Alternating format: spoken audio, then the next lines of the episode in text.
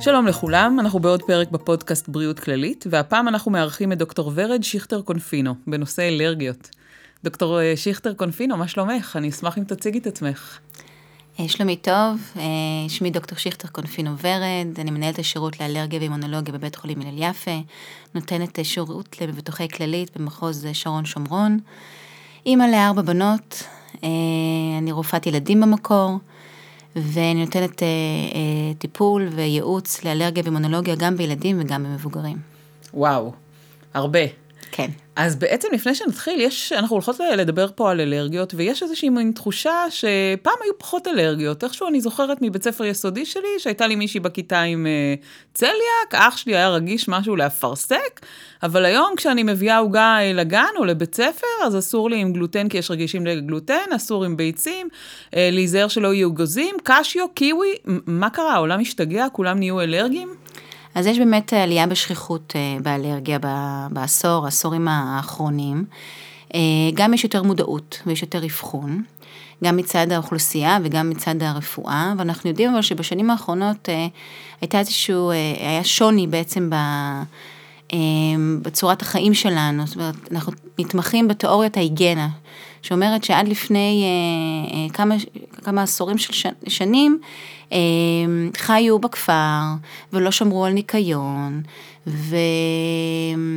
ופחות אה, אה, אכלו אה, אוכל מעובד אמ, ופחות השתמשו באנטיביוטיקות כמו שהיום אנחנו משתמשים ומנקים הכל ושומרים בעצם על היגיינה ואסתטיקה ובעבר זה לא היה ככה. ועקב השמירה על ההיגיינה המופרזת כנראה היה איזשהו שיפט במערכת החיסון שלנו לתאים שהם יותר פרו לאלרגיה ופחות uh, להגנה בפני וירוסים ודברים אחרים מבחינת uh, התאים של מערכת החיסון. ואז יש עלייה בשכיחות uh, של אלרגיות. שוב, יש המון המון גורמי סיכון לאלרגיות שבעשור האחרון עלו יותר אה, אה, ניתוחים קיסריים. אז עצם אה, הניתוח הקיסרי הוא שונה ממעבר של תינוק בתעלת הלידה, שימוש יותר באנטיביוטיקות. ואז רגע, זה משפיע בעצם על התינוק? עצם העובדה כן, שהוא כן. לא יוצא בלידה רגילה אלא בניתוח קיסרי? כן, התזונה היא השתנתה לחלוטין, אנחנו אוכלים אחרת. כמו שציינתי, אוכל מעובד, וגם החיידקים הטובים שלנו ניזונים בעצם מהצורת חיים שלנו ומה, ומה שאנחנו אוכלים, והם בעצם אה, אה, מאותתים למערכת החיסון שלנו אה, איך להגיב, האם לייצר סבילות מסוימת לדברים מסוימים, האם להגיב לחלבונים אה, באוויר או במזון שלנו ולהגיב באלרגיה. שזה אולי יביא אותנו בעצם מהי באמת אלרגיה. כן, בוא, בוא נתחיל מזה, בעצם צללנו לראות, אה, הייתה לנו תחושה ש... ואת בעצם מאששת את התחושה הזו שיש היום יותר מבעבר, אבל בואו נגיע לבסיס, מה זה אלרגיה בכלל? אז אלרגיה בעצם שאנחנו מדברים גם... אה, על נזלת אלרגית אסתמה וגם אלרגיה למזון, אנחנו מדברים על הגוף שלנו, מערכת החיסון מגיבה בעצם לחלבון שנמצא באבקנים. אה, של הפרחים, של העצים, של הדשא, אה, חלבונים שנמצאים, ב, שמפרישה קרדית אבק הבית, או חלבון שנמצא במזון. זאת אומרת, אותו חלבון מגיע למערכת הנשימה או למערכת העיכול, והגוף מייצר נוגדנים כנגד אותו חלבון. אז כל מה שאנחנו מדברים עליו באלרגיות מדובר בחלבון, בסבילות לחלבון? לרוב כן, מדובר באלרגיה בעצם לחלבון עצמו, שהגוף מזהה אותו, מערכת החיסון מזהה אותו ומציגה אותו למערכת החיסון, ובעקבות אה, הזיהוי שמדובר פה בגוף זר, אה, מערכת החיסון אה, יוצרת נוגדנים מסוג IgE, ובחשיפה חוזרת לאותו אה, אלרגן, אה, היא מייצרת IgE נוגדנים נוספים והם מתחברים לתאים, שאותם תאים ברגע שיש את החיבור הזה מפרישים חומר שנקרא היסטמין. וההיסטמין הזה מופרש בגוף, לדם. ובעקבות ההפרשה הזאת של ההיסטמין, יש את הגרד הנוראי, את הפריחה על האור, את האדמומיות, את הבצקת, הרחבה של כלי דם, בריחה של, של נוזל מכלי הדם, ובמקרים מסוימים אפילו קוצר נשימה, נזלת, אה, ואם מדובר על אלרגיה במזון, אפילו תחושת חנק וקוצר אה, אה, נשימה. ובאותם אה, ילדים, מבוגרים אלרגיים, מתרחשת אותה, אה, אותו תרחיש של הפרשה של היסטמין בסופו של דבר, ותגובה אלרגית. והאלרגיה בעצם... היא בעצם תגובה לגורם חיצוני. והפרשה של אותו חומר בגוף ותסמינים קליניים שחלק מהם פירטנו. אז בואו קצת יותר ניכנס לתסמינים הקליניים, מה זה אומר? אוקיי, okay, אז שיש איזושהי אה, תגובה קלינית כמו פריחה, נפיחות, קוצר נשימה, נזלת כרונית, עיניים דומעות, אירועים חוזרים של קוצר נשימה, פריחה אה, כרונית ש, ש, שמגיעה ביום יום, צריך לחשוב באמת על איזשהו אה, אלרגן אה, שאותו אדם נחשף אליו ואלרגיה, וצריך בעצם לפנות לבירור במסגרת המרפאה, קודם כל לרופא המטפל, ואם יש חשד כמובן לאלרגיה, אז צריך לפנות לעשות טסטים. ולקבל טיפול שמתאים. מה זה אומר טסטים? איך בודקים בעצם לאותו בן אדם, ילד, מבוגר, יש אלרגיה למשהו? אז אנחנו צריכים לחשוד במה מדובר. אה, כמובן, הכי חשוב ברפואה זה קודם כל אה, אנמנזה, לדבר, לשאול, מה, אם אכלת משהו, האם מדובר בנזלת כרונית, באסתמה. בואו נתמקד קצת יותר באמת בנזלת אלרגית ואסתמה ואלרגיה לנשאפים, דברים שהם נישאים באוויר, כמו אבקנים, אה, כמו חלבונים של קרדית אבק הבית שהיא מפרישה ונמצאת בארון או בשמיכות שלנו. אז מטופלים שיש להם נזלת כרונית, התעטשויות, אה, גודש באף, אה, שיעול כרוני, דמעות וגרד בעיניים, לרוב הם מופנים אלינו למרפאת אלרגיה ואימונולוגיה, ואנחנו עושים טסטים לנשאפים, ממש אנחנו בודקים על האור. האם יש אלרגיה לכרתית אבק הבית, אה, לאבקנים של דשא, לאבקנים של העצים. מה זאת אומרת, אה, איך אתם בודקים את זה טכנית? נותנים לו לשאוף אנחנו, את זה או לא, מה? אנחנו טובלים בעצם, אה, אנחנו מטפטפים, יותר נכון, על, על היד, על הזרוע, אנחנו מטפטפים חומר שמכיל בעצם את החלבון של אותם אבקנים או של קרדית אבק הבית, ומה שנקרא שורטים, prick test, זה נקרא skin prick test, אנחנו שורטים. אה, דקירה ממש עדינה, אה, וברגע שאנחנו אה, מסיימים, מחכים רבע שעה ומחכים לתגובה. תגובה חיובית נחשבת נפיחות מעל שלושה מילימטר על האור. וזה... חיובית זה אומר לא שזה טוב, אלא חיובית זה אומר הבן אדם... ברפואה חיובי זה לא טוב, שלילי זה טוב, זה נראה לי המקום היחידי שחיובי זה דבר פחות טוב. ואז הוא מחכה רבע שעה בחוץ ויש הבחנה באותו, באותו רגע. ואפשר לראות האם uh, התמצית עם החלבון של כרדית אבק הבית התנפחה, אז ככל הנראה מדובר באלרגיה לכרדית אבק הבית. ובודקים גם דברים אחרים, כמו שציינתי, שנישאים באוויר, כמו עצים, דשאים, אלרגיה לחתול, לכלב, לפרוות חתול. כל זה יש כן. אצלכם במרפאה שאתם כן, יכולים... כן, מרפאת אלרגיה, כן, אנחנו בודקים הכל. ויש בעצם חומרים שהם יותר גורמי אלרגיה מאחרים, מבחינת איזה סוג של פרחים או איזה סוג של עצים? יש זה סביבתי וזה גם אזורי מבחינת uh, הארץ, אנחנו יודעים שבישראל, uh, גם בישראל וגם בעולם אבק הבית היא הגורם הכי אלרגני, זאת אומרת, אם מדובר בנזלת אלרגית, אז 30-40 אחוז מהמטופלים הם אלרגיים הבית. Uh, עץ הזית מאוד שכיח, אבקני עץ הזית מאוד שכיח בארץ, עצי פקן, זאת אומרת, אנחנו מדברים על האבקנים, זה לא אומר שמישהו אלרגי לפקן, יכול לאכול פקן, יכול לאכול זיתים, כי זו אחת השאלות שתמיד נשאלת על ידי המטופל. אה, יש את קטלית יהודה, שזה צמח מאוד שכיח אה, בישראל, בעיקר גם בצפון הארץ. אה, זה, הוא נקרא קטלית כי הוא כמו יוצא מהכותל, הוא נמצא בכל המדרכות, הוא שייך למשפחת הסרפדים, וברגע שהוא פורח, הוא יוצאים אבקנים, ויש אנשים שהם מאוד אלרגיים לאבקנים של קטלית יהודה, ומתייצגים עם אסתמה, עם נזלת אלרגית, ומאובחנים במסגרת המרפאה. אוקיי, okay, הגעתי אליכם למרפאה, אובחנתי, אוקיי, okay, יופי, אני יודעת שאני אלרגית לקרדית הבית, מה אני עושה עם זה עכשיו? אז אה, קודם כל צריך להסביר לך איך להימנע סביבתית מקרדית אבק הבית, שיש אה, כמובן אפשרויות הימנעות אה, סביבתית. בגדים שיוצאים מהארון צריכים לעבור כביסה לפני שאותו אדם שאלרגי לובש אותם, כי הם היו בעונת מעבר, אם אתה עכשיו מתחיל עם ה... עם הסוודרים של חורף, אז uh, הם היו כמה חודשים בארון, אז הם צברו בעצם אבק, וקרדית אבק הבית שהוא יצור קטן ומיקרוסקופי, מפריש את החלבונים על, ה, על הסוודר וצריך לכבס אותו. מומלץ לכבש ב-60 מעלות, מה שאפשר ולא הורס את הבגד. מומלץ להיות עם שמיכות וכריות סינתטיות. בובות פרווה בילדים מאוד מומלץ להימנע. אם יש דובי או בובת פרווה מאוד נאהבת, אז אפשר לשים אותה בפריזר ל-24 שעות פעם בחודש בתוך שקית, כי כרדית אבק הבית לא אוהבת קור. אה, חשוב אה, לאוורר. אה, דייסון טוב, שטיחים להימנע בחדר, זאת אומרת ילדים מבוגרים רוב הזמן נשענים בחדר במיטה, אז נמצאים שם רוב הזמן, צריך שהחדר שנמצאים בו יהיה סטרילי מבחינת צמיחות, שלא יהיו שטיחים, וילונות לכבס לפחות פעם בשבועיים שלושה. מתחילים איזושהי הימנעות סביבתית לאבק. עצים ותשעים יותר קשה להימנע, כי זה באוויר, ובעיקר באביב, שאוהבים לצאת ולטייל, אז אם אתה יודע שאתה אלרגיה לעץ הזית, רצוי שלא תשתול אותו אצלך בגינה, אבל אם לשכן יש, האבקנים מספיק נישאים באוויר בשביל לזרוע בעצם את, ה, את הפרחים ו, אה, ולהוציא, ולהנביא פרי בעצם, זה בעצם מה שקורה באביב. אה, אז קשה מאוד להימנע. אה, אבל רצוי להישאר, להישאר עם, עם חלונות סגורים, אם הולכים ומטיילים, אז להתחיל איזשהו טיפול תרופתי שתכף נדבר עליו. אז, אז בעצם את מדברת איתי כרגע על הימנעות סביבתית עד כמה שניתן. כן. ובעצם התחלת לדבר קצת על טיפול תרופתי. מה כן. זה אומר? אז כשמדברים על, כמובן על נזלת אלרגית או אסתמה, הימנעות סביבתית לא תמיד מספיקה וצריך להיעזר בתרופות. תרופות, מדובר בתרופות אה, אה, אנטי-אלרגיות שהן אה, יכולות, אנחנו לוקחים דרך הפה, כמו שאנחנו מכירים את התרופות האנטי-היסטמיניות, שזה מאוד הגיוני, כי אמרנו שהחומר הכי פעיל אה, בגוף בזמן האלרגיה והחשיפה הוא בעצם היסטמין.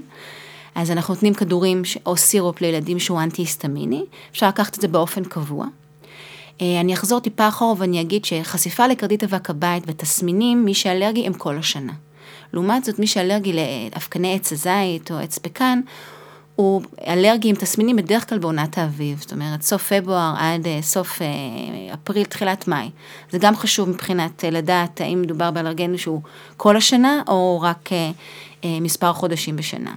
אז כשאנחנו מדברים על טיפול תרופתי, מן הסתם, אם מדובר באלרגן שהוא כל השנה, אז חלק מהמטופלים צריכים טיפול קבוע, יומיומי. לעומת אה, מטופלים שהתסמינים הם לא יומיומיים, אה, ואז הם לוקחים את זה לפי צורך. יש היום תרופות עם דור אה, חדש, שהן לא, לא סדטיביות, זאת אומרת שהן לא, לא גורמים לישנוניות, אז אפשר לקחת אותם, ותוך חצי שעה, שעה יש איזושהי הקלה.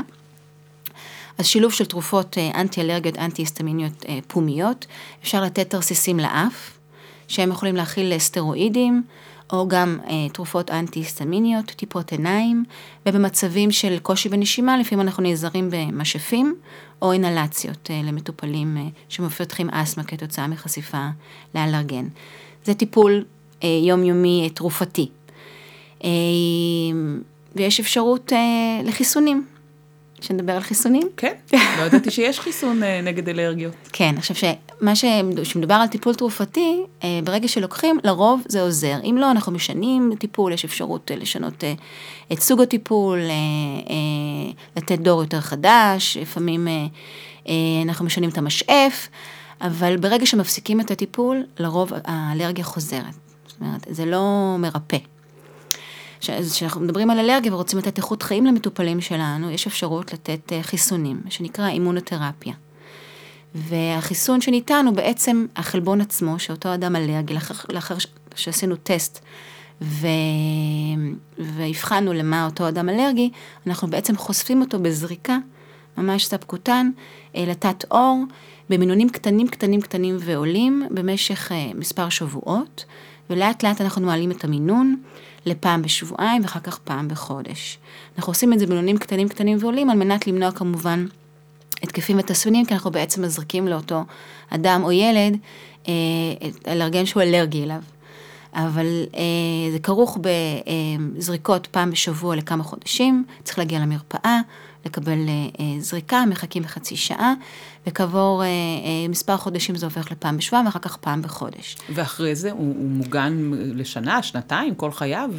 בעיקרון, חצי, אחרי חצי שנה עד שנה, הוא מרגיש איזושהי הטבה, והרבה פעמים יש ירידה בשימוש בתרופות, ואחרי שנה אנחנו יושבים ו, ורואים כמה שיפור היה באחוזים.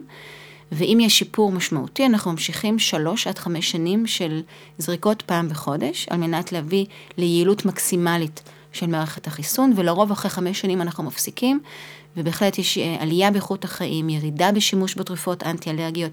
יש עבודות ומחקרים שאומרים שזה אפילו מונע התפתחות של אסתמה, נגיד בילדים, אם אנחנו מתחילים בגיל צעיר, זה מונע התפתחות של אסתמה בעתיד. מונע התפתחות של אלרגיה לאלרגנים אה, נוספים, וחיסונים ניתנים מגיל 5-6, זאת אומרת, אפשר כבר להתחיל אה, בגיל הילדות. מה השכיחות אגב באלרגיות? מה ההבדלים בין ילדים למבוגרים? למי יש יותר?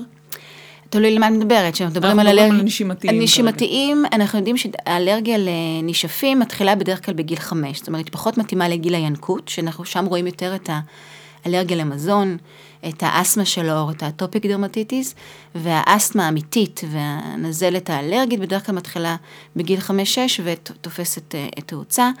אסתמה לרוב יכולה להיות מאובחנת גם בגיל 5-6, אבל יש גם late onset ו-adult onset אסתמה, זאת אומרת, אבל יותר שכיח בילדים. אז הזכרת בעצם את האלרגיה למזון, וזה בעצם מדור שלם, אני חושבת, של אלרגיות. ואני כן רוצה להכניס אותנו לעולם הזה על ידי זה שאני שואלת אותך אם באמצע החיים בן אדם פתאום יכול לפתח אלרגיה למזון. אני עד לא מזמן אכלתי אולי בחיי כמה פעמים ספורות פירות ים, ולא קרה לי כלום, ובפעם האחרונה שאכלתי פשוט התנפחתי, התגרדתי והתאדמתי. זה יכול לקרות פתאום באמצע החיים? אז אלרגיה יכולה להופיע באמצע החיים, אלרגיה למזון גם יכולה, אבל אם אנחנו מדברים על שכיחות ואחוזים, אז אלרגיה למזון הרבה הרבה יותר שכיחה וגבוהה בגיל הינקות. זאת אומרת, אם אנחנו מדברים על אלרגיה לחלב, אלרגיה לביצים, אלרגיה לבוטנים, שאנחנו היום נתקלים ביום יום, אין ילד בבית ספר שאנחנו, אין, אין בית ספר, אין בית ספר בלי שבלי ילד. ילד, כן, שאנחנו יודעים שאלרגי או צריך להיזהר. אז אלרגיה למזון הרבה יותר שכיחה בגיל הינקות. היא יכולה להתפתח גם בגיל מבוגר, אבל אז אנחנו מדברים על מזון ספציפי, אנחנו יודעים שפירות ים הוא אחד המזונות הכי שכיחים שיכולים לפתח בגיל הבגרות, האדולטהוד. אגוזים מסוימים, קיווי יכול להתפתח בגיל מבוגר יותר, אבל כשמדברים על החלב, על, על בוטנים, אגוזים, סויה, זה יותר בגיל, בגיל הינקות, מדובר ממש מגיל אפס, זאת אומרת, אותם תינוקות שנולדים, בהתחלה יונקים, ואחר כך נחשפים לסימילק או מטרנה, לתמל חלבי על בסיס חלבון חלב פרה, אז מפתחים את, ה, את האלרגיות. יש כזה דבר, אלרגיה לחלב אם? היה לנו פה פרק על הנקה. השאלה אם, אם, אם יש תינוקות כאלה. אז זה לא אלרגיה לחלב אם, זה אלרגיה לחלבון שנמצא בחלב האם, זו שאלה אה, יפה. אה, כשאנחנו מדברים על אלרגיה למזון, בגיל הינקות, זאת אומרת מגיל אפס עד גיל שנה, שנה וחצי, אנחנו מדברים על שני סוגים של אלרגיה. יש את האלרגיה שילד נחשף לתמל חלבי על בסיס חלבון חלב פרה, ישר מפתח קוצר נשימה, פריחה על האור, זה בדרך כלל אלרגיה המסכנת חיים שנקראת IgE mediated, אותם נוגדנים שדיברנו קודם שהגוף מייצר, זאת אומרת הגוף מזהה אותם ו, ומפתח את התגובה האלרגית שנראית לעין. אבל אנחנו יודעים שעד גיל שנה, שנה וחצי יש מספר אלרגיות למזון וגם לחלב, שהן לא מערבות קוצר נשימה, את מערכת הנשימה, לא מערבות את האור, הן בדרך כלל מערבות את מערכת העיכול.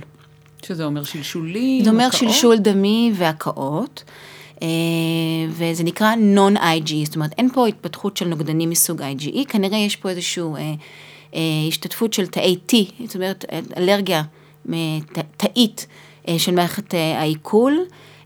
ואותה אפשר לראות בילדים יונקים. זאת אומרת... שזה אלרגיה, אני מניחה, זאת אומרת, זה פחות מסכן חיים מאשר... היא לא מסכנת חיים, וגם היא נעלמת לרוב, הפרוגנוזה היא טובה, בגיל שנה, שנה וחצי לרוב היא נעלמת. מדובר בילדים, יכולים להיות, מדובר בילדים יונקים. שיונקים שבועיים, שלושה, ופתאום האמא שמה לב שיש יציאות ריריות, שלשוליות, אפילו עם קצת סטריקים של דם. הילד עצמו הוא לא חולה, הוא מרגיש טוב, הוא מחייך, הוא עולה במשקל, שזה חשוב בהשוואה אם אנחנו חושדים באיזשהו זיהום גסטרואינטסטינלי. ולפעמים האמא מאוד לחוצה ומגיעה עם זה לרופא, אז כמובן הוא צריך לשלול, לא מדובר בזיהום, אבל לרוב אם זה ממשיך, אז אנחנו חושדים כמובן במה שנקרא allergic proctocolitis, שזה שלשול דמי רירי על ילד שיונק, אבל ה-well-being שלו הוא, הוא uh, שמח וטוב לב, ואז אנחנו מנחים את האימא להפסיק מוצרי חלב. שאז עוברים uh, לתמל שהוא uh, לא תמל, האימא ממשיכה להעניק, 아. אנחנו לא, אנחנו מודדים הנקה. אה, זאת אומרת, אנחנו... האימא לא תאכל יותר לא. מוצרי חלב בזמן שהיא מניקה. כן, אוקיי. הוא, הוא לא אוכל... Uh, uh, הוא לא נחשף לתמ"ל, הוא נחשף רק להנקה. אנחנו ממליצים לאימא להפסיק מוצרי חלב, ומחכים שבוע-שבועיים, זה לא מיידי, ולרוב השלשול חולף, והילד צריך להיות כמובן במעקב אלרגולוג, ואם האימא רוצה אז לתת, היא רוצה לחזור לעבודה, או רוצה להפסיק להעניק, אנחנו נותנים תמ"ל עם חלבון מפורק, מלא. זאת אומרת שהגוף עצמו לא יגיב מערכת החיסון של אותו ילד אלרגי לא תגיב אה, אה, בצורה ש, שהיא הגיבה. ולרוב אנחנו יודעים שבגיל שנה, שנה וחצי אנחנו חושפים אותם בהשגחה, שוב, לחלבון חלב פרה, לראות שהם באמת אה, פיתחו איזושהי סבילות והם כבר לא אלרגיים. ולרוב זה מסתדר שהאמא נמנעת ו... ואין אלרגיה. תופעת אלרגיה נוספת שגסטרונטסטנלית זה אותם ילדים שניזונים מתמ"ל אה, חלבי על בסיס חלב פרה ומקיאים, מקיאים, מקיאים, מקיאים ונהיים אפתיים, ישנוניים. אה, זה גם איזושהי אה, התייצגות קלינית של אלרגיה לחלבון חלב פרה, שהיא לא מסכנת חיים מיידית, הם פשוט מתייבשים. אה, זאת אומרת האפתיות זה מזה שהם איבדו נוזלים. מתייבשו, בדיוק. ואז הידרציה ומתן נוזלים זה, זה הטיפול, וגם זה סוג של התייצגות קלינית שהיא אה, אלרגיה לחלב, אבל בדרך כלל גיל שנה, שנה וחצי היא נעלמת. וחשוב לציין שבשתי התגובות הקליניות האלה, הטסטים הם שליליים. כי הם לא IG mediated, הם לא אלרגיה ש, שתיארנו מקודם. זאת אומרת, אם אנחנו נעשה טסטים במרפאה, הם יהיו תקינים, שליליים. אז פה זה רק דרך מערכת העיכול, ופה זה רק דרך אה, ניסוי וטעייה, ושבעצם אנמנזה טובה, או חשיפה חוזרת. זאת אומרת, גם בכל האלרגיות, הגולד סטנדרט שלנו, אם יש לנו ספק, להביא את המטופל אלינו לבית חולים, אה, לאשפוז יום, לכמה שעות, לחשוף את המטופל למה שחשדנו. ולראות אם יש תגובה או אין תגובה. זאת אומרת, אם יש אנמנזה, טובה וסיפור קליני מתאים, אז אנחנו לא תמיד מביאים אותם אלינו לחשיפה, אנחנו לא רוצים לגרום לאי נעימות, אם זה מספיק אה, משכנע. אם יש ספק, אנחנו כן מביאים אותם אה, בהשגחה לחשיפה, אה, מה שנקרא תגר, challenge, ורואים אם באמת מדובר באלרגיה. מה קורה אחרי גיל הינקות? סיימנו אה, לינוק, אנחנו מתחילים לאכול אה, אוכל אה, רגיל. נכון, אז היום המגמה היא כמובן חשיפה מוקדמת למזונות. אה, אנחנו כבר נותנים טעימות בגיל 4-5 חודשים. כל פעם זה משתנה, נכון? חצי שנה, תשעה חודשים, שלושה אה, חודשים? תלוי מה, אה, ארבעה חודשים אה, נותנים טעימות, זאת אומרת, למה בעבר חשבו לתת בחצי שנה? כי פתאום... אמ, ראו שילדים מגיל ארבעה חודשים מקבלים מנות אה, של, של אוכל, אז צריך לדעת שמגיל ארבעה חודשים עד גיל חצי שנה זה טעימות בלבד, זה לא מחליף את ההתאמה, לא מחליף את, ה, אה, את הבקבוקים. אה, רק לקראת גיל חצי שנה אפשר להחליף כמובן, מנה של מרק עם עוף ופירות. ואנחנו בארץ היום חושפים יחסית אה, בגיל מוקדם, הילדים חוזרים גם אה, לגנים, זאת אומרת חופשת הלידה יחסית קצרה, נכנסים לפעוטון אה, בגיל מאוד צעיר וכבר מכניסים את הטחינה בפירות ואת האבוקדו בפירות, ואנחנו רואים שיש חשיפה מוקדמת, ואנחנו יודעים היום בחלק מהמחקרים שחשיפה מוקדמת מונעת התפתחות של אלרגיה. אנחנו, יש מאמר מאוד מפורסם בניו אינגלנד שהוכיח את זה בבוטנים. כל ש... עניין הבמבה? כן, שחשיפה מוקדמת אה, לבוטנים מונעת אה, אה, אלרגיה, זה הוכח בבוטנים, אנחנו אימצנו את זה גם למזונות אחרים, והיום הגישה היא חשיפה מוקדמת מונעת אלרגיות. ואז בעצם מתגלות האלרגיות, אם היא קיימות. אז סומסום זה אלרגיה יחסית שכיחה בארץ. שוב, אלרגיות זה גם עניין תרבותי מבחינת איזה מזונות ואיזה תרבות אכילה יש לנו. הסומסום גם אנחנו רואים... שנמצא בגיל, בטחינה? בטחינה, בחומוס, כל חומוס. יש אה, בחלבה זה נמצא. אה, נמצא על, על, על הלחמניות. על המאפים, נכון. על המאפים. אה, סויה כמובן, זה גם אלרגיה שכיחה, בוטנים, זה אלרגיה שכיחה. גוזים, שזה דווקא בשלב יותר מאוחר, למרות שהיום, בגלל הטבעונות והאכילה הבריאה, אנחנו חושפים אותם לממרחים בגיל מאוד מאוד צעיר. זאת אומרת, אז גם יש היום אה, הבחנות של אלרגיה לאגוזים גם בגיל אה, הינקות. אה, דגים, דגים גם יש אלרגיה, ודגים דווקא אלרגיה שהיא, אנחנו גם מאבחנים אותה לקראת גיל שנה בדרך כלל שחושפים לדגים, אבל היא אלרגיה מאוד מסכנת. זאת אומרת, מי שאלרגי באמת לדג, היא, אז גם בריח לפעמים מפתחים, מפתחים איזושהי אלרגיה. ואני רוצה לחזור שנייה לאגוזים. שמי שאלרגי לאגוז אחד, לא אלרגי לכל האגוזים, שזה גם משהו שהוא חשוב לציין. זאת אומרת, אתם ממש יכולים לעשות טסט ולאגוז מקדמיה, פקן, אגוז מלך, ולראות בדיוק מה...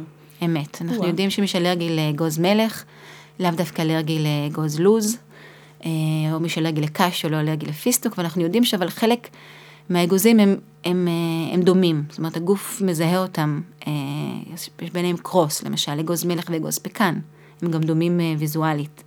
אז מי שאלרגי לאגוז פיקן, לרוב גם אלרגי לאגוז מלך, או מי שאלרגי לקשי, או אלרגי לפיסטוק. אגוז לוז הוא בפני עצמו, מקדמיה אה, וכל השאר. אז אנחנו עושים טסטים ממש לכל אגוז אה, טסטים זה אומר, בניגוד לטסטים הקודמים שדיברנו עליהם פה, אתם לא חורצים את העור, אלא אתם נותנים לאכול? לא, טסט זה. על העור. כשאנחנו נותנים דרך הפה זה נקרא challenge, תגר. אז, אז טסטים בנושא אה, מזון, אכילה, גם? אנחנו גם אפשר? לעשות, כן. גם אפשר לעשות על העור, אנחנו מטפטפים תמציות, אה, או מהאגוז עצמו, טיפה אה, שורטים, מחכים רבע שעה, 20 דקות, ורואים את התגובה העורית. וגם פה, אם יש ספק, אנחנו מביאים אותם אה, לאשפוז יום, וחושפים אותם לראות האם מדובר באמת באלרגיה. ואז פה בעצם הטיפול הוא מניעה? אז כשמדובר באלרגיה במזון, עד לפני כמה שנים באמת הטיפול היה מניעה, מניעה, מניעה. זאת אומרת, אסור להסתכל על כל מזון מה הוא מכיל, ולהימנע ממנו, ולהחזיק כמובן טיפול אנטי-אלרגי, שזה בילדים פנסטיל טיפות, במבוגרים כדורים נגד אלרגיה, ואת המזרק האפיפן. בוא שאם- נתעכב עליו, שזה אומר מה? מזרק אפיפן מכיל אדרנלין, ילדים או מבוגרים שיש להם אלרגיה מסכנת חיים, עם טסטים חיוביים, זאת אומרת שזו אלרגיה מסכנת IgE mediated, אה, הם צריכים להחזיק כמזרק אה, אפיפן עליהם, ובחשיפה מוטעית, או שנחשפו ל- ל- לאלרגן אה, שהם אלרגיים אליו, הם מפתחים תגובה.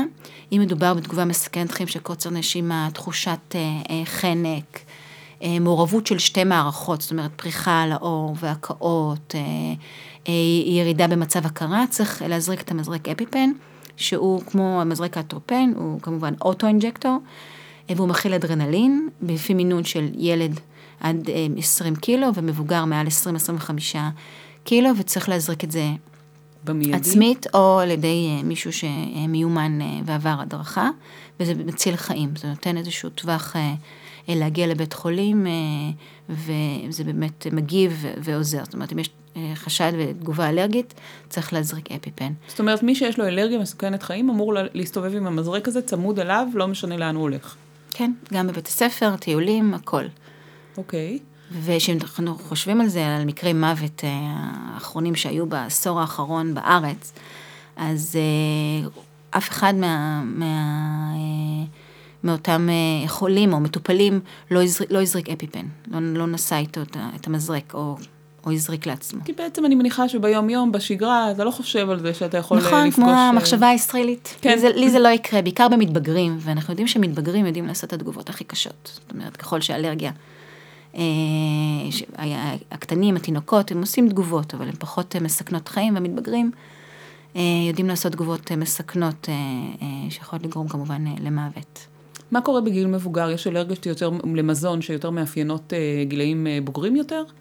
אז דיברנו על פירות ים, ודיברנו על אגוזים, אבל רציתי לחזור לטיפולים, שעד עכשיו באמת זה היה מניעה, אבל uh, היום יש אפשרויות uh, טיפוליות לאלרגיה למזון, שהן כרגע עדיין מחקריות, אבל אנחנו uh, uh, מקיימים אותן בארץ ובעולם כבר חמש-שש שנים, זאת אומרת, בעשור האחרון זה התפתח.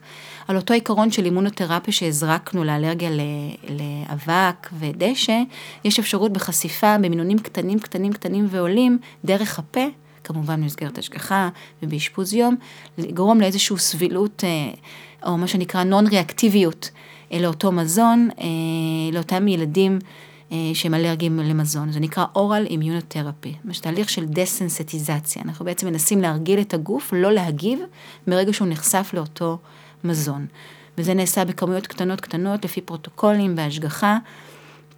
וזה תהליך אה, של חצי שנה בדרך כלל, עד שמגיעים למנה שאותו ילד יכול לסבול, אני משתמש במילה לסבול, כאילו to tolerate, אה, ואז לכל החיים הוא צריך כל יום לצרוך כמות מסוימת של המזון הזה. זאת אומרת, ילד שאלרגי לבוטנים, הגיע למנה, לאט לאט למנה שהוא יכול אה, אה, לאכול אותה, ברגע שהוא מסיים, הוא צריך יום יום לצרוך אותה במסגרת הבית. זאת אומרת, יש איזשהו חשש שאם במשך חודש אותו ילד לא ייחשף, לא יאכל מהמזון הזה? החשיפה החוזרת אה, יכולה לגרום לתגובה. זאת אומרת, אנחנו לא גומרים, לא גורמים פה ל, לריפוי, אבל אנחנו גור- גורמים פה בעצם לאיזשהו non-reactivity ואיזושהי תחושת אה, רווחה ו, ועלייה באיכות החיים לאותו ילד, שאם הוא ייחשף ביום הולדת לבמבה או למזון אחר שהוא אלרגי אליו, הוא לא יפתח תגובה אלרגית. זאת אומרת, זה נותן להם איכות חיים, זה נותן לאימא אה, את השקט אה, הנפשי. דאגות. כן, שזה, שזה בעצם היתרון הכי,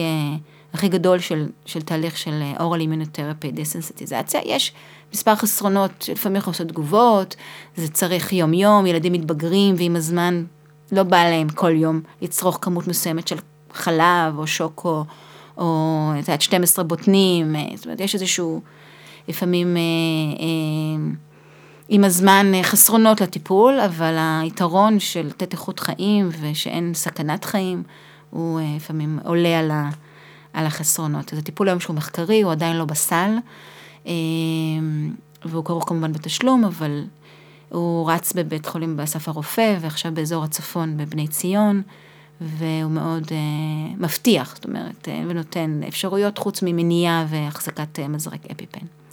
בוא נשאר בתחום המזון, מה, מה לגבי חלב? אני מכירה המון מבוגרים שפתאום באמצע החיים אה, גילו שהם רגישים לחלב, אי סבילות ללקטוז, יש לזה המון שמות. בואי תעשי לנו קצת סדר. Okay. אוקיי.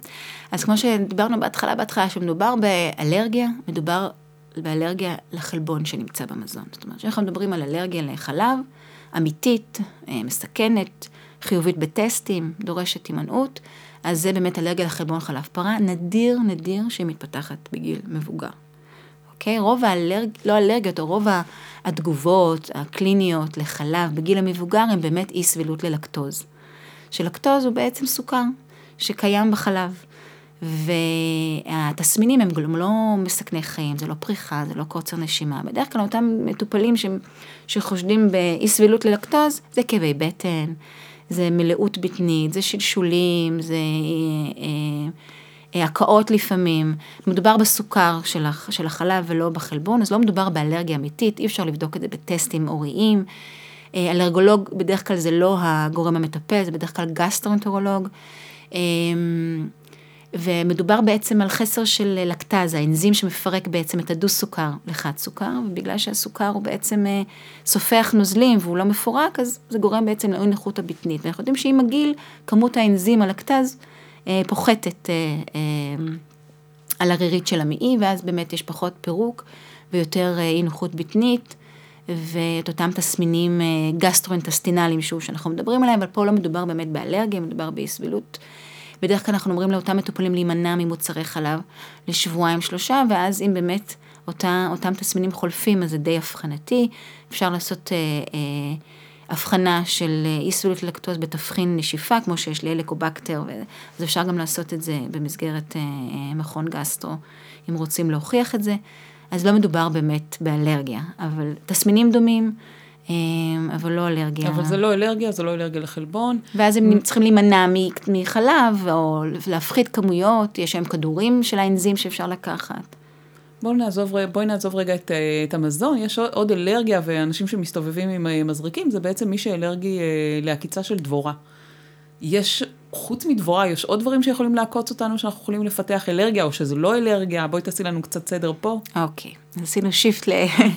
זה אותו מנגנון של מערכת החיסון. זאת אומרת, כשאנחנו מדברים על עקיצת דבורה, הדבורה עצמה בעוקץ, יש חלבונים. או, oh, טוב לדעת. כן, יש מספר חלבונים, ואחד החלבונים שהוא קצת יותר אלרגני, שאותו... אדם מפתח שוב אלרגיה, ברגע שהגוף שלו נחשף לאותו חלבון שנמצא בארס, אה, הוא מפתח תגובה, ואותו נוגדן IgE ספציפי, נוגדנים ספציפיים לאותו חלבון שנמצא בארץ של הדבורה, ושוב, בחשיפה חוזרת או עקיצה חוזרת, אותו קסקדה של אה, נוגדנים IgE, התחברות לאותם תאים, ויש הפרשה של חומר שנקרא ההיסטמין, ואת התגובה של, יוכל לגרום, מי שבאמת אלרגי יכול תוך מספר אה, דקות, אם לא שניות, לגרום לתחושת של חנק, והוא צריך באמת המזרק אפיפן. כשאנחנו מדברים על דבורנים, מדובר על כמה סוגים, יש את ההניבי, שזה הדבורת דבש, נכון? יש את ה-Yellow Jacket, שזה בעצם הצרעות שנמצאות בפיקניקים, שבאות לאוכל, אז יש כמה סוגים, ויש את הוואספ, יכולות להיות כמה אה, דבורניים, אנחנו מדברים על משפחת הדבורניים, יש עוד כמה, לא נפרט, אבל שבא אליי מטופל ונעקץ על ידי דבורה, אני צריכה לברר האם באמת היה מדובר בדבורה בהניבי אה, או ב-Yellow Jacket, ואז גם אפשר לעשות אה, טסטים. זאת אומרת, יכול להיות שאני אלרגית לאחד, אבל לא לאלרגית לשני. נכון, מדובר שוב בחלבון אחר. אז את צריכה גם להיות אה, מומחית בענייני חרקים, לא רק נכון, רופאת נכון. ילדים ו... כן, מומחית נכון. לאלרגיה. נכון, עכשיו כשאנחנו מדברים על אלרגיה לדבורנים, אנחנו מחלקים את זה לשלושה סוגים, שלושה סוגים של, של אלרגיות. יש את האלרגיה השכיחה, כשאתה נעקץ ברגל, ביד, מתפתחת איזושהי נפיחות מקומית, לרוב אצל כולם זה קורה, יש איזושהי נעימות ונפיחות. יש מטופלים שהנפיחות היא יותר גדולה, שנקראת large local reaction, שהוא נעקץ בכף היד, והנפיחות עולה באמת עד, עד המרפק או עד הכתף, ואז זה נקרא large local reaction, זאת לא אלרגיה מסכנת חיים. אבל הרבה פעמים הם כן מופנים למרפאת אלרגיה, ואנחנו מייעצים להם, ואין פה סכנה לפתח תגובה אלרגית מסכנת חיים בעקבות תגובה אורית אה, מפושטת. זו תגובה אחת שיכולה להיות, אה, סוג אחד. אה, סוג נוסף, תגובה נוספת יכולה להיות, שאנחנו רואים יותר בילדים לאחר עקיצה של דבורה, זה נקרא Systemic Cutaneous Reaction. זה אותו ילד שנעקץ על ידי דבורה, אחת מה, מהדבורנים, ומפתח פריחה מפושטת בכל העור. אבל אין מעורבות סיסטמית, זאת אומרת אין הקאות, אין שלשולים, אין קוצר נשימה, אין מעורבות סיסטמית, רק אורית, מה שנקרא אה, תגובה אורית סיסטמית, מפושטת. והיא מאוד שכיחה בילדים והיא לרוב ונעלמת, הסיכוי שלהם לפתח תגובה מסכנת חיים הוא טיפה יותר מכלל האוכלוסייה. זאת אומרת, אה, זאת אומרת אם היום שואלת, הילד עשה עכשיו את התגובה הזאת, האם בקיצה הבאה הוא יפתח תגובה מסכנת חיים? אז אה, האחוז טיפה יותר גבוה מכלל האוכלוסייה לפתח תגובה מסכנת חיים, וזה מביא אותי בעצם לתגובה השלישית, המסכנת, מה שנקרא אנפילקטיק ריאקשן, אותו ילד מבוגר שנעקץ על ידי דבורה, בתוך אה, מספר דקות מפתח תגובה סיסטמית של הקאות, קוצר נשימה, תחושת חנק, נפיחות, פריחה על האור, ואז אפיפן, יש אה, אה, מקום להזריק. וזה באמת גם מציל חיים, אותם מטופלים צריכים אה, לשאת איתם כל הזמן אה, מזרק אפיפן, אמ, וגם להם אנחנו יכולים לעשות טסטים.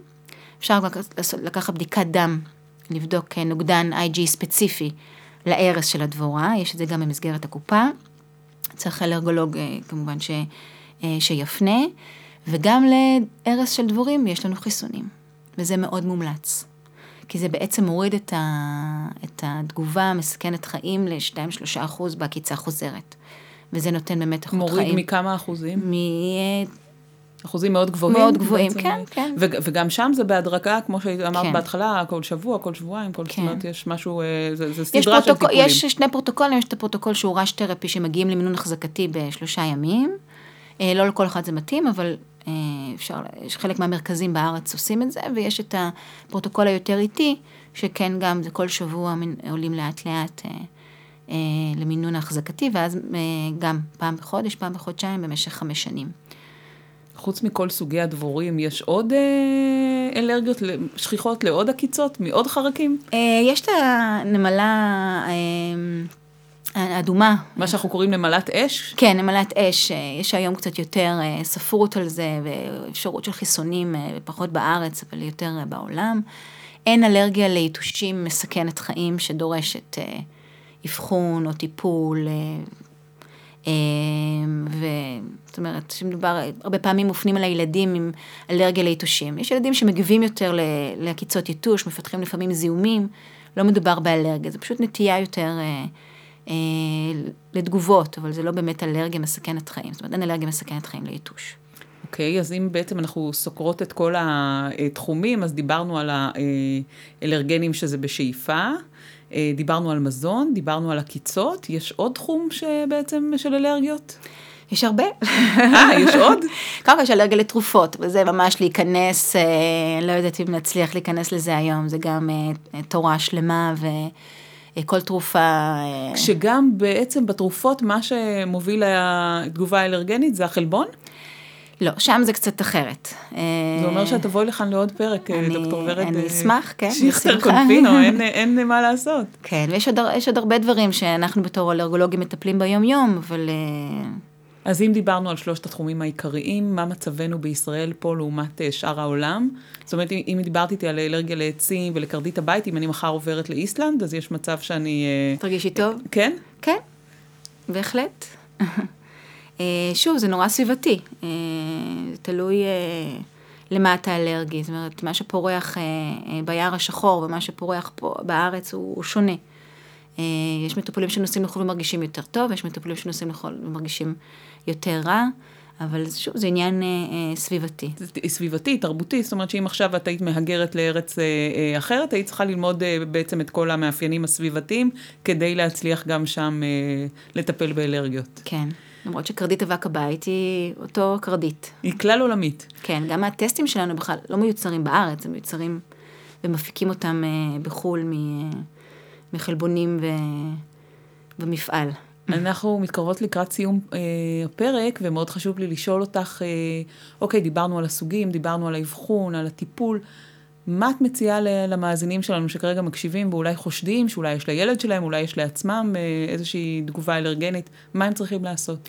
אז קודם כל, אם באמת אה, אחד התסמינים שדיברנו עליהם, או, או תסמינים אחרים שיש חשד, לפנות לרופא מטפל, להתייעץ, לקבל איזשהו טיפול אקוטי לאותו אה, אה, תסמינים. אני חושבת שכל רופא משפחה וילדים יכול לתת את המענה המיידי. ואם יש חשד, אז כמובן להפנות אה, לאלרגולוג אה, ואימונולוג שמטפל גם בילדים וגם במבוגרים. ולפי שיקול כמובן דעת האלרגולוג, לבצע טסטים ולברר ולתת אה, אה, את המענה היותר אה, ארוך טווח אה, וטיפולי. מעולה. דוקטור, שמחתי לארח אותך פה היום, אה, וזה אומר שיהיה לנו כנראה פרק המשך אה, בנושא אלרגיות רבות אחרות. תודה רבה. תודה לכם.